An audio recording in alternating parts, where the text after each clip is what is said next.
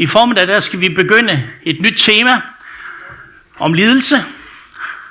Og jeg nævnte det lige for en, som kom gående her i starten af vores gudstjeneste, her en af vores ældre medlemmer. Og da jeg siger det, vi skal høre om lidelse, der, der sukkede hun så dybt. Åh, oh, kære, puha, det var da også noget trist noget. Men øh, det vi skal, det er faktisk ikke så trist endda. Og det vil vi sådan opleve i løbet af formiddagen. Fordi Gud han formår simpelthen på en finurlig måde at få noget rigtig godt ud af det, der er smertefuldt, og det, der kan være vanskeligt for os. I formiddag vil jeg godt rette mit fokus imod det store spørgsmål. Hvorfor oplever vi mennesker lidelsesfulde perioder? Og hvordan finder vi egentlig vejen igennem dem? Så vi ikke bliver bidre, men at vi bliver bedre. Mette Holbæk Christiansen, hun vil tale næste søndag og fortsætte ud fra 1. Peters brev omkring og tale omkring ledelsen.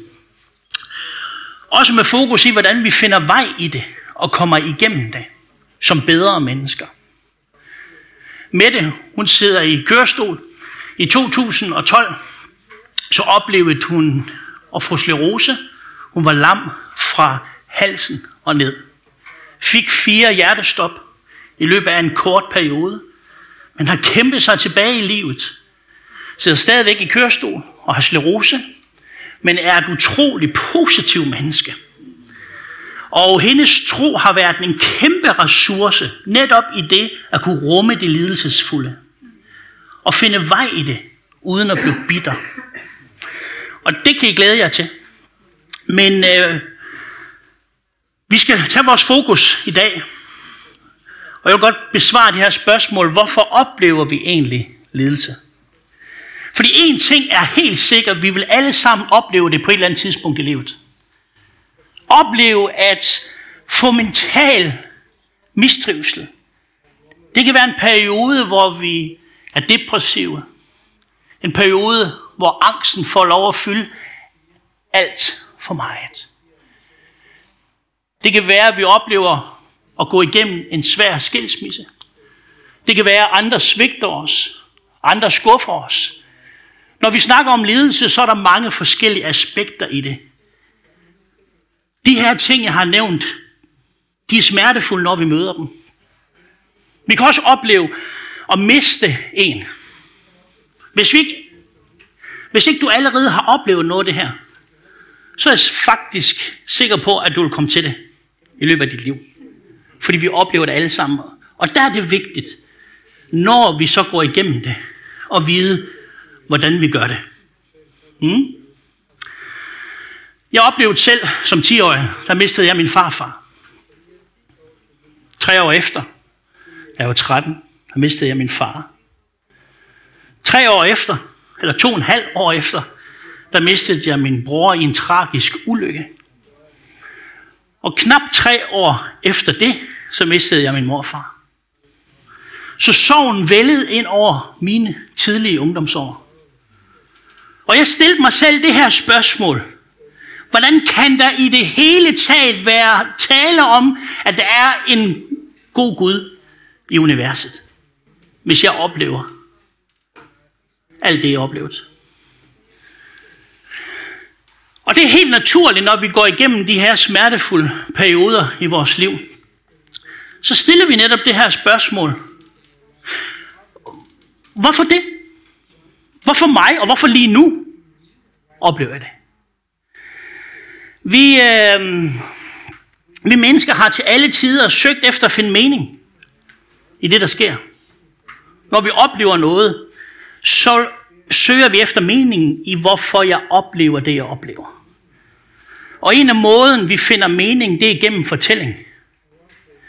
Vi, le, vi, le, vi leder simpelthen fuldstændig desperat efter en eller anden forklaring på, hvorfor er det her hent? Hvorfor er det her sket? Og så forsøger vi at finde en forklaring. Men problemet er, nogle gange er der ikke en forklaring. Vi må simpelthen leve og kunne tåle ikke at få en forklaring på det. Og hvordan rummer vi det?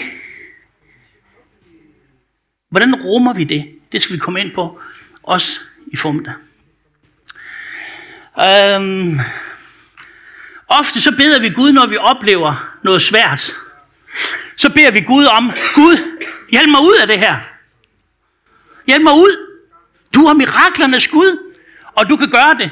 Og hvor er jeg glad for, at vores børn i formiddag og de næste søndag her sætter fokus på i børnekirken miraklernes Gud. Fordi det er han. Han er miraklernes Gud. Og han kan hjælpe os ud. Og vi skal fortsætte med at bede de bønder, Gud hjælp mig ud af det her. Men inden du beder Gud om at hjælpe dig ud, så inviter ham ind i det smertefulde. Fordi hvis vi kun fokuserer hele vores opmærksomhed på at komme væk fra det smertefulde, så vil vi løbe ind i unødvendige skuffelser. Fordi Gud, han tager ikke det smertefulde væk fra os altid. Men han venter på, at vi inviterer ham ind i det smertefulde.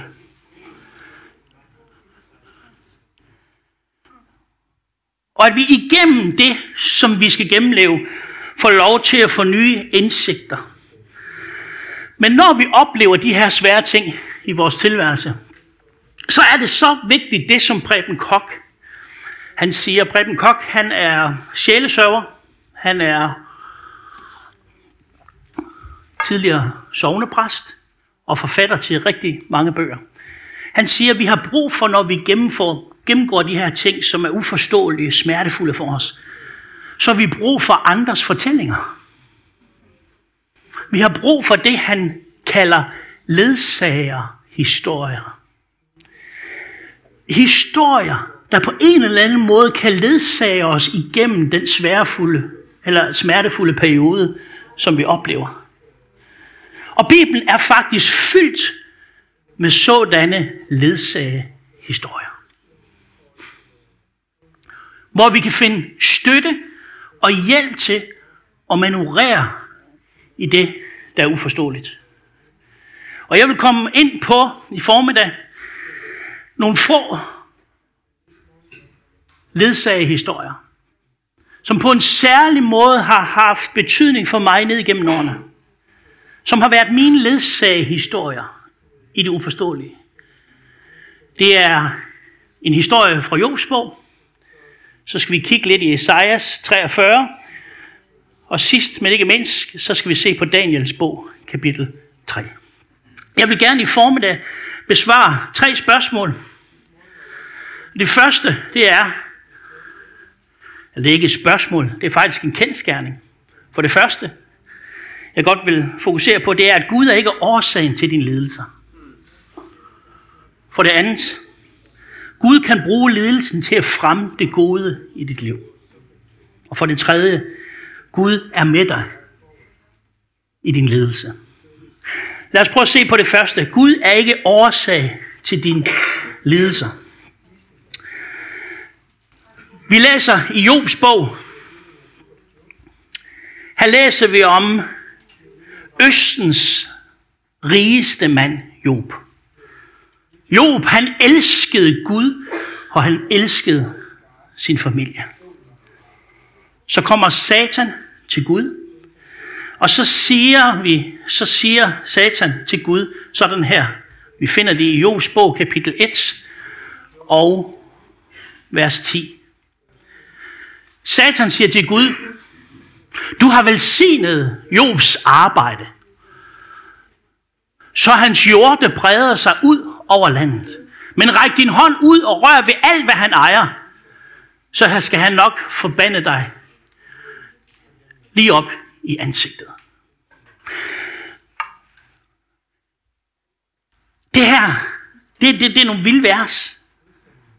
Og når vi læser i Jobs bog kapitel 1, så siger Gud, okay, okay, men går du bare ud og bring Job noget dårligt. Men du skal ikke gøre det her og det her. Og du skal holde dig fra at gøre det her og det her. Gud er stadigvæk i fuld kontrol over situationen. Så går Satan ud i Jobs bog og får alt det dårlige til at ske, der skete i Jobs liv. Al hans ejendom, hans værdier, der stod i både køer, får og kameler, de går simpelthen til på tragisk vis. Og sidst, men ikke mindst, så kommer der en storm ind over landet. Og Jobs sønner og døtre, de er lige samlet til en fest, og huset falder sammen og tager livet af alle hans børn. Forfærdeligt. Så siger Job i kapitel, eller i kapitel 1, vers 20 og 21. Så stod Job op, han flængede sin kappe og klippede sig skaldet. Så kastede han sig på jorden fyldt med ærefrygt og sagde, Nøgen kom jeg ud af moders liv, nøgen vender jeg tilbage. Herren gav, Herren tog, Herrens navn vær lovet. Frygtelig. Han går i dyb krise. Og læg mærke til, det der, det der er så fedt der. Den der emotionelle reaktion, han har på lidelsen der. Og der står så fint i Jobs bog, at Job syndede ikke. Job syndede ikke. Men det vi ser i kapitel 1 her i Jobs bog, det er, at Gud er ikke arkitekten bag Jobs lidelser. Han er ikke direkte aktiv involveret i lidelserne. Og her er der nemlig en pointe. Og pointen er, at da Gud skabte verden, så skabte han verden uden lidelse, uden sygdom, uden smerte. Men det vi læser om, det er, at mennesket vendte Gud ryggen. Og da mennesket vendte Gud ryggen, så slap vi ondskabens åndemagter til ind i vores verden. Vi læser om ufattelige smerter og lidelser, det førte med sig. Men det er vigtigt at forstå, at Gud er ikke årsag til vores lidelse. Han siger til Job, eller det, det er djævlen i kapitel 1, der siger Gud til djævlen, undskyld, der siger han, prøv at høre her, du må ikke gøre sådan, og du må ikke gøre sådan. Du må godt gøre sådan og sådan. Gud har total kontrol over det, der sker i Jobs bog. Gud tillod det smertefulde ske. Og hvorfor gør han så det? Det leder mig til punkt nummer to. At Gud kan faktisk bruge lidelse til at fremme det gode i livet. Lidelsen er ikke godt i sig selv. Det er ikke godt i sig selv. Vi læser i første Mosebog om Josef. Josef han oplevede mange smertefulde ting i hans liv. Han oplevede, at familien vendte sig imod ham. Han blev solgt som slave til Ægypten. Han blev uretfærdigt behandlet. Han blev uretfærdigt fængslet. Josef oplevede faktisk utrolig mange lidelser i hans unge liv. Men igennem alt det, så læser vi om, at årene går, og pludselig opstår der hungersnød i Kanans land. Og Jakob og hans familie, Josefs familie, de drager op for at tage til Ægypten for at købe korn, for simpelthen at redde sig ud af hungersnøden. Og så læser vi det helt fantastisk i 1. Mosebog, kapitel 50 og vers 20. En beretning om, der handler om, at da Josefs brødre kommer ind foran Josef, de genkender ham ikke. Men Josef er i, er i mellemtiden, der har Gud simpelthen gjort ham til statsminister i hele Ægypten. Og der står det så, den der udveksling der, og så siger Josef sådan her. Josef siger til sine brødre, I tænkte ondt imod mig, men Gud har vendt det til det gode. Wow. Gud har vendt det til det gode. Når jeg læser den historie, så tænker jeg nogle gange, ej, hvor ville det have været nemmere, Hvis Gud var kommet til Josef og så sagt, prøv at høre Josef, de ting, som du kommer til at lide i Ægypten, alt, den, alt det der uretfærdige, der kommer til at overgå dig, du skal bare holde ud. Fordi om nogle år, så rejser jeg dig op, og du bliver statsminister, og du får, du får mulighed for at redde hele den daværende verden, også din egen familie. Det vil være noget hjemme, nemmere for Josef og sige, okay, jeg skal bare lige udholde lidt. Men Gud gjorde ikke det. Han må tåle at leve uden forklaring. Hvis vi tager Job, det vil være alt andet lige meget nemmere, hvis Gud havde sagt allerede fra begyndelsen, prøv at høre her Job, de her lidelser, det her smertefulde, det kommer til at overgå dig. Men hold ud, Job! Der kommer en dag, hvor jeg kommer til at godtgøre dig, vil se dig med nye sønner og døtter, og jeg vil gøre dig til ikke bare Østens rigeste mand, men hele den dækkendte verdens allerrigeste mand. Det ville da være langt nemmere at udholde det. Men Gud sagde ikke det til ham. Så vi må altså leve med ikke altid at få forklaring på, hvorfor det smertefulde sker i vores liv. Hvorfor? Hvorfor? Jeg oplevede det i mit liv. Det der hvorfor, det ville det være noget nemmere, hvis Gud har fortalt mig, Rune, prøv at høre her, alt det, du har gået igennem i dine teenageår og din tidlige ungdom her, der bliver en dag, hvor du kan få lov at bruge det. Og jeg vil velsigne dig ud over alle grænser. Det ville være noget nemmere at så gå igennem det. Men når vi går igennem det smertefulde, så må vi kunne tåle ikke at leve med et svar på det, men overgive vores sag til Gud og sige, Gud, han har fuldstændig kontrol med det. Men hvordan bruger Gud så det smertefulde i vores liv? Lad mig hurtigt komme ind på det. Jeg vil nævne tre ting her. Det lidelsesfulde, vi oplever i vores liv, giver altid en ny forståelse af os selv. Hvis vi ser på træerne, når efterårets storme blæser ind over Danmark, og bladene falder af, så kan vi få lov at træ, se træet, som det virkeligheden ser ud. Så længe pladene hænger på træet, kan vi ikke se træet, hvordan det virkelig ser ud. Når lidelsen rammer vores liv, så falder bladene af. Vi står der nøgen. Et træ, hvor bladene er faldet af, er på en måde et ærligt træ. Et nøgentræ. Det er også et træ, når bladene er på. Men det er først, når bladene falder af, vi kan se træet, som det virkelig ser ud. Sådan er det også med vores liv. Lidelser er et grundvilkår for menneskelig udvikling. Jeg har fem børn. De fire af dem vil være, eller er voksne nu. Den sidste fejrede vi 18 års fødselsdag med i går. Victoria. Men vi kalder alle sammen til det her at have vokseværk. Og vi ved godt, når man har vokseværk, og musklerne gør så modbydeligt ondt, så ringer vi ikke efter lægen. Men vi siger til børnene, ved I hvad, hold det ud. det bliver godt. Og du oplever den her smerte, fordi der sker en vækst hos dig. Rabineren Abraham Tversky, han stod og underviste en flok elever. Og så siger han sådan her. Nævn mig tre ting.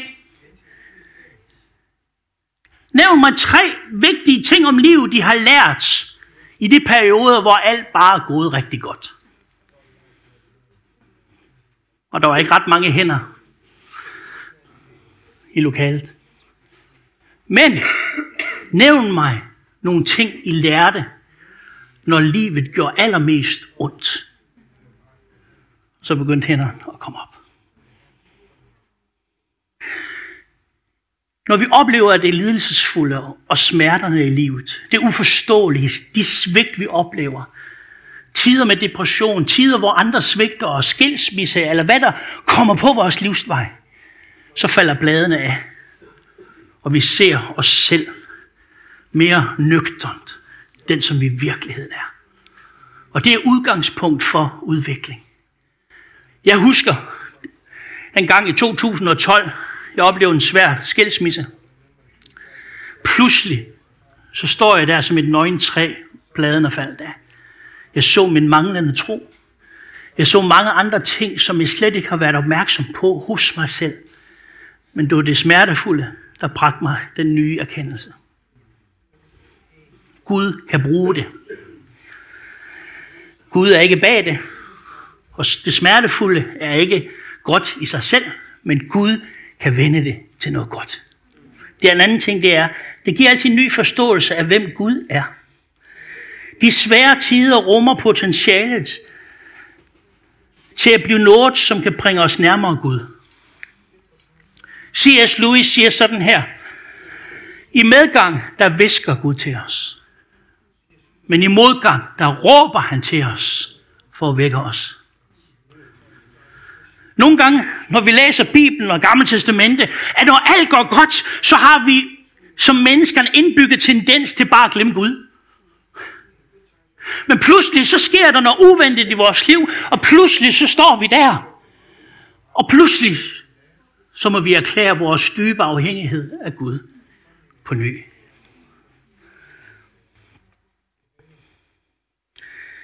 Og det var det, der skete med Job.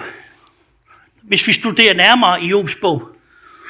Satan kommer til Gud, og så siger Gud, prøv at høre her. Job, han elsker dig kun fordi, at du har givet ham alt det, han har. Så siger Gud, okay. Du får lov til at tage alt det fra ham, men du skal ikke røre ham. Satan går ud og får alt det dårlige til at ske. Satans formål, det var, at Job, han skulle blive så bid, bitter, vred og vende sig. Og vende sig væk fra Gud.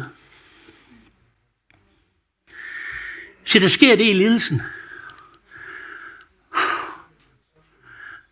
Når vi mister bladet, når vi ikke har noget. Job elskede Gud ikke kun Job, fordi han har fået alt det, han har fået i den periode, Job gennemgik sine lidelser, der fik han lov at få den her erkendelse af, jeg elsker ikke kun Gud for det, han har givet mig. Jeg elsker Gud for den, han er. Og det er det, der sker. Når lidelsen tager alt fra os. Det, som vi skatter, det, som vi holder allermest af, har jeg min dybe afhængighed i ham? Eller er jeg kun med i det her kristne fællesskab, så længe det går godt, og jeg nyder de her velsignelser? Men når så lidelsen rammer mig, nej, lidelsen rummer en fantastisk potentiale til netop i den periode her, at mærke efter, hvordan er min relation med Gud. Gud, du er den. Mere kunne siges omkring det her. Det er måske derfor Jakobs, han siger i Jakobs brev kapitel 1, derfor skal I regne det for lutter glæde, når I kommer I ud for prøvelser. Fordi prøvelser er netop med til at få vores rødder i Gud til at vokse længere ned. Vores afhængighed af Gud. Lad os hoppe hurtigt videre her til det tredje, inden vi kommer til det sidste punkt her. Jeg er bagefter. Bed for mig.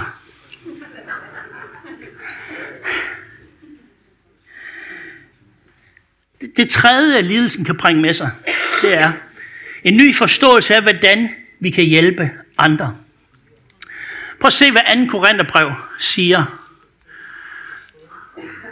Lovet være Gud, hvor Herre Jesu Kristi Fader, barmhjertighedens Fader og alt trøst Gud, som trøster os i al vores trængsel, så vi kan trøste alle dem, der er i trængsel, med den trøst, vi selv er trøstet med af Gud. Wow. Ved I hvad, kære menighed? Jeg må sige, at jeg er den i dag, på grund af alt det svære, jeg har gået igennem. Du er den, du er i dag, på grund af alt det svære, du har gået igennem.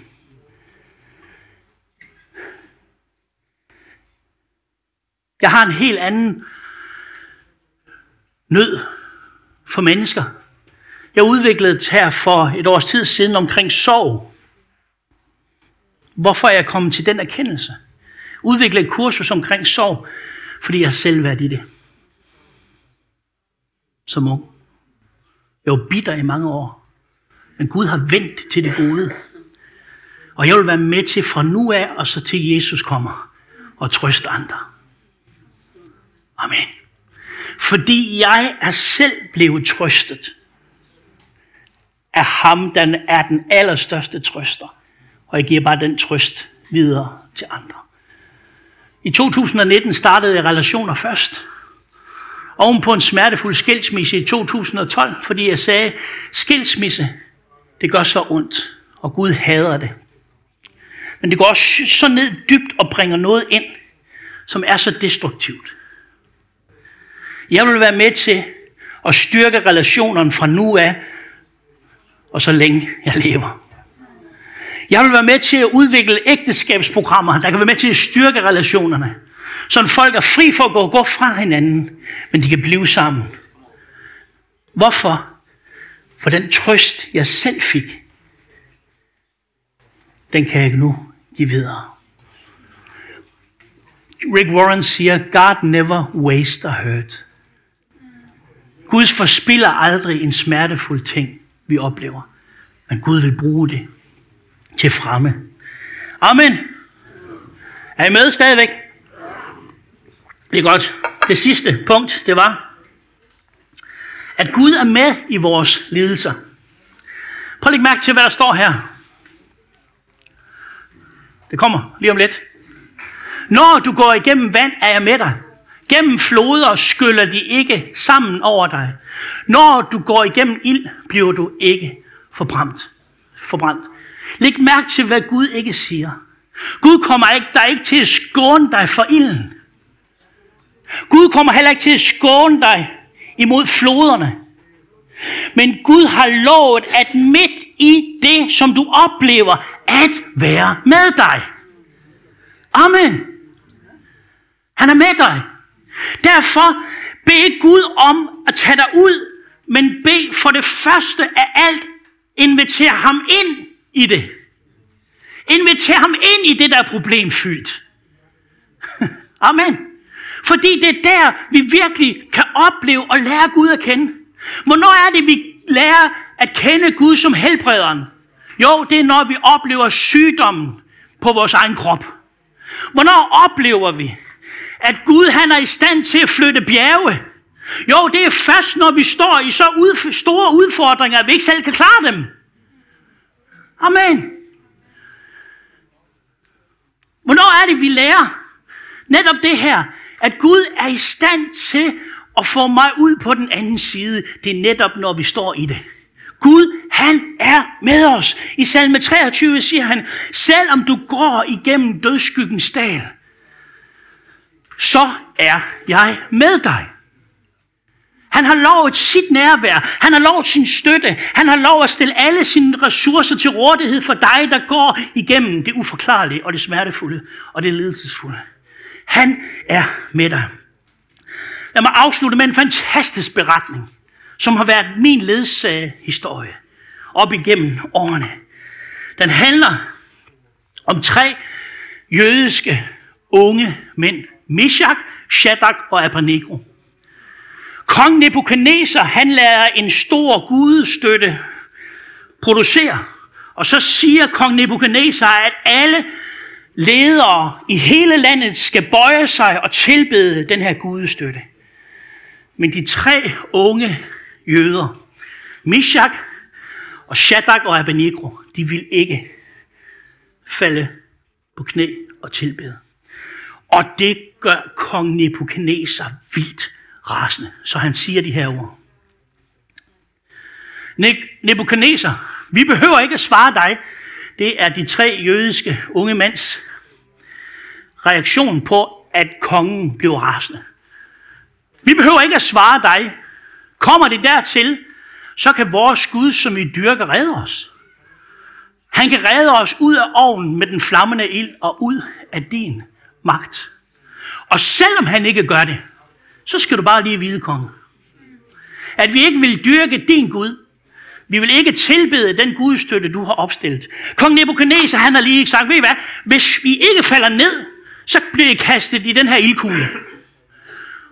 Og så svarer de tre jødiske mænd det her. Og det gør kong Nebuchadnezzar endnu mere rasende. Så han siger til dem, der styrer den her ildovn her, gør ildovnen syv gange mere varm. Og kongen han lærer de her tre jødiske mænd fange, og de bliver bundne, og de bliver smidt ned i ildovnen. Men så sker der noget. En fantastisk ting i den her historie. Vi læser om i Daniels bog, kapitel 3. Så står der sådan her. Kong Nebuchadnezzar, han går hen og ser ind i ovnen. Og så udbryder han de her ord i vers 24 og 25. Var der ikke tre mænd? Vi kastede bundene ned i ilden. De svarede kongen, jo, det var det. Han sagde så, jamen, jeg ser fire gå frit omkring i ilden. Amen. De har ikke lidt nogen skade, og den fjerde ser ud som en gudesøn. Wow! Halleluja! Selvom du går igennem ild, så er jeg med dig. Selvom floderne skyller ind over dig, er jeg med dig. Wow! Gud, på mirakuløs vis gjorde han sådan, at ilden ikke gjorde dem nogen skade. Der står endda sådan her. Det er helt vildt. I vers 27. Ministerne der i kongens regering, de stemlede sammen for at se mændene. Deres læmer havde ilden ikke fået magt over. Håret på deres hoved var ikke afsvedet. Deres kapper var uskatte. Og der hang ikke engang brandlugt ved deres tøj. Er det ikke fantastisk? Wow, Gud er med dig. Det kan godt være, at du rent følelsesmæssigt synes, at han er langt væk, men han har lovet at være med dig. Nogle gange er vi for hurtige til at bede, Gud, Gud, få mig ud af det her. Vi skal fortsætte bede Gud, Gud får mig ud af det. Det skal vi fortsætte bede, misforstå mig ikke. Vi tror på miraklernes Gud. Men når der er endnu mere vigtigt, det er ham, som har lovet at være med dig. Inviterer du ham indenfor? Midt i det. Inviter ham indenfor. Og han formår at give dig den støtte og den styrke. Og ved du, hvad der skete der? Det blev til en vækkelse. Det blev til en vækkelse i Babylon. Wow. Gud er med dig. Gud er ikke årsagen til lidelser. Lidelserne finder sted i den her verden her. Det onde finder sted, da mennesket vender ryggen imod Gud og slipper ondskabens underkræfter til i denne verden. Gud har fuldstændig kontrol over situationen. Også når vi ikke føler det. Men vi kan ikke altid forlange en forklaring på det, vi gennemlever. Men midt i det alt sammen skal vi vide én ting. At Gud never waster hurt. Gud forspiller ikke chancen for at fremme det gode i dit liv. Du vil komme til en ny forståelse af dig selv, når bladene falder af. Du vil få en større forståelse og kendskab til Gud. For det tredje, så vil du opleve det, at den trøst, du selv har oplevet, det du selv har fået lov at gå igennem, kan blive til hjælp for andre mennesker. Men husk en ting. Uanset hvad vi oplever, så er Gud den fjerde mand. Gud er den fjerde mand i eloven. Han har lovet, jeg er med jer alle dage, ind til verdens ende. Og det betyder, at han er ikke bare med alle dage, men på alle slags dage. På de gode dage, men også de dage, vi oplever, som kan være lidelsesfulde og smertefulde. Gud er der. Skal vi rejse os?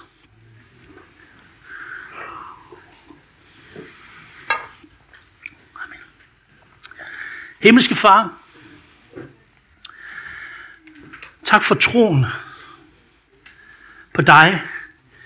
Tilbyder os fantastiske ressourcer i mødet med ledelse. I mødet med det uforståelige og det smertefulde. Tak far, fordi at du ved bedst. Vi kan ikke altid gennemskue tingene og se ned ad landevejen og se fem år frem.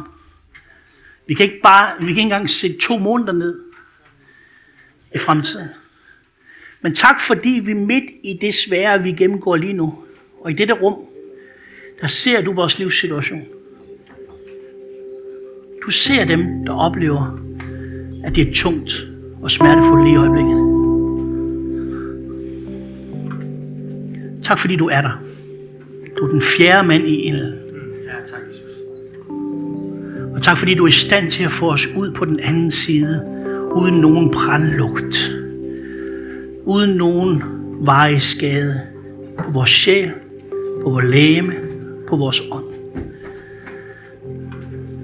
Jeg beder i dette rum, om at du, Gud, må komme med den her formiddag. Styrk en hver, for hvem livet er udfordrende i øjeblikket. Og forvis dem om, at du er hos dem. Forvis dem om, at fremtiden, den er deres. Og fremtiden, den er du med i. Tak fordi vi som sangen, vi sang i starten, bare kan breathe, træk vejret. Så freden kan indfinde sig. Freden i, at du har styr på det. Tak for din fred, som overgår al forstand, skal bevare vores hjerte Tak fordi vi må få lov at invitere dig indenfor i det.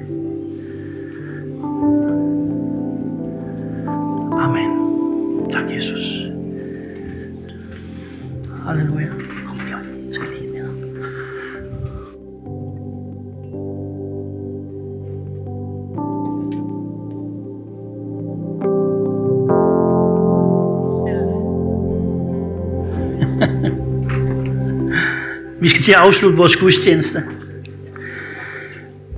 Og øh, vi vil ikke afslutte, afslutte gudstjenesten her, uden at give dig, som enten ser med hjemmefra, eller dig, som er i salen her, mulighed for at sige ja til Jesus.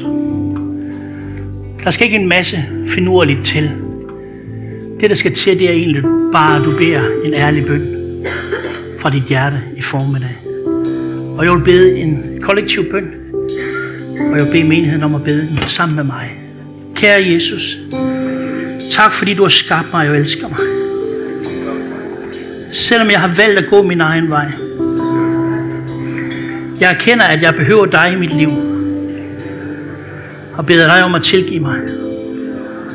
Tak fordi du døde på korset for min skyld. Jeg ønsker at følge dig. Kom ind i mit liv og gør mig til et nyt menneske at tage imod din frelse. Amen. Hvis du har bedt den her bøn første gang, så vil vi gerne hjælpe dig med at vokse i troen på Jesus Kristus. Du kan ringe ind på det nummer, der står på skærmen her. Eller hvis du sidder i rummet her, eller står i rummet her, så kan du trække ud af din række og komme frem her, når vi synger nogle sange. Så vil der være nogle forbedere, der kan bede sammen med dig og velsigne dig i den her nye beslutning, du har taget. Men der vil også være mulighed for forbøn, fordi vi har sådan brug for, når vi går igennem de her svære ting, så har vi sådan brug for andre. Vi har brug for Gud i det hele. Så hvis du står her og gennemgår noget rigtig svært i øjeblikket, så vil vi gerne være med til at bede dig. Bed for dig. Bed om, at Gud må styrke dig. Bed om, at Gud han, han må bare fylde dig med sin fred midt i det. Midt i orkanen. Så der, midt i orkanen, der kan Gud komme med en fred, som overgår al forstand. Så vær frimodig at trække ud af rækkerne og komme frem her, så vil vi være med til at bede for dig. Amen. Vi vil lukke og afslutte vores online streaming af gudstjeneste nu, men vi vil gerne invitere dig, som ser med her, til at komme her og besøg os næste søndag kl. 10.30, hvor Mette Holbæk Christiansen skal fortsætte med at tale det her tema omkring det smertefulde i vores liv. Hvordan vi finder vej. Tak for nu.